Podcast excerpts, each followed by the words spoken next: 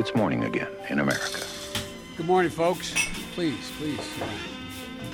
Come on, let's go. Let's go get some coffee. Thank you very much. Det er mandag 9. oktober, og morgenkaffen fra amerikanskpolitikk.no er servert. I går fortsatte ordkrigen mellom president Trump og senator Bob Corker fra Tennessee.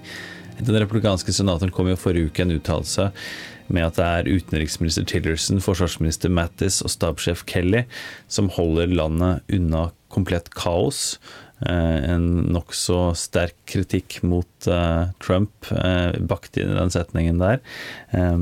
Og på søndag så kom jo da Trump med en slags svar på forrige ukes kritikk fra, fra Corker, der han sa at han hadde bønnfalt Trump om en støtteerklæring, og at da han ikke fikk den, så ville han ikke stille til gjenvalg, osv., osv. En rekke ting som Corkers egne folk har tilbakevist.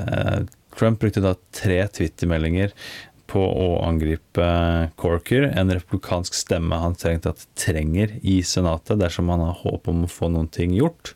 Eh, men Bob Corker sto da hardere tilbake enn noen gang tidligere med å si at det er en, eh, en skam at Det hvite hus har blitt, som han da skrev, an adult daycare center. Utrolig uttalelse fra Corker, som deretter lot seg intervjue av New York Times. Eh, og også der kom han med veldig sterk kritikk av, av Trump. Eh, han sa at oppførselen til USAs eh, president. At han håndterer sin administrasjon som et realityshow, og at hans trusler og handlinger overfor andre land eh, kan sette landet på en sti mot tredje verdenskrig.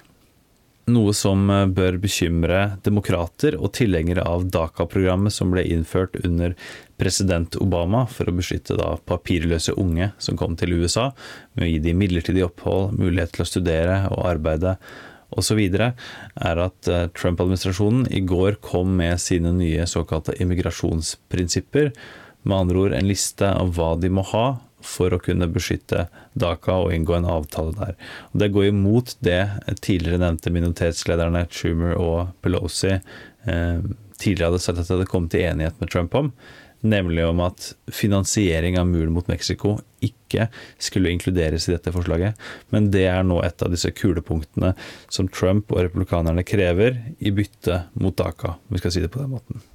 Kontroversen rundt NFL og kneling under nasjonalsangen ble i går eh, forsøkt gjenopplivet av visepresident eh, Mike Pence, eh, som da ble fortalt av president Trump om at dersom noen av spillerne knelte under nasjonalsangen i kampen mellom Indiana Colts og San Francisco 49ers, ehm, så skulle da Pence eh, forlate stadion. Eh, og pressen som reiste sammen med visepresidenten, ble sittende i bilene. Eh, de ble fortalt at Pence muligens kom til å forlate arrangementet tidlig. Og Pence gjorde jo også det etter at noen av spillerne på San Francisco 49ers knelte under nasjonalsangen. Og det kom da raskt en offisiell uttalelse fra det hvite hus om hvorfor Mike Pence hadde gjort dette. Han skrev bl.a. at eh, jeg står ved president Trump, jeg står med soldatene våre, og jeg vil alltid stå opp for flagget og nasjonalsangen vår. Så med andre ord et planlagt stunt. 49ers-spillerne eh, har jo knelt under nasjonalsangen i lang tid, og noen gjorde det også selvsagt på søndag. Det må man ha visst på forhånd. Derfor gjorde også Pence og Trump dette. Det gjenstår å se hva dette kostet de amerikanske skattebetalerne, men det er nok en opplysning vi får høre i løpet av de nærmeste dagene. Dagens utgave av Morgenkaffen er servert av Per Åsmund Reimert og undertegnede Are Togflaten. Du finner oss i Spotify og andre podkast-apper. Veldig hyggelig om du tipser andre om å høre på denne podkasten her, og så snakkes vi i morgen.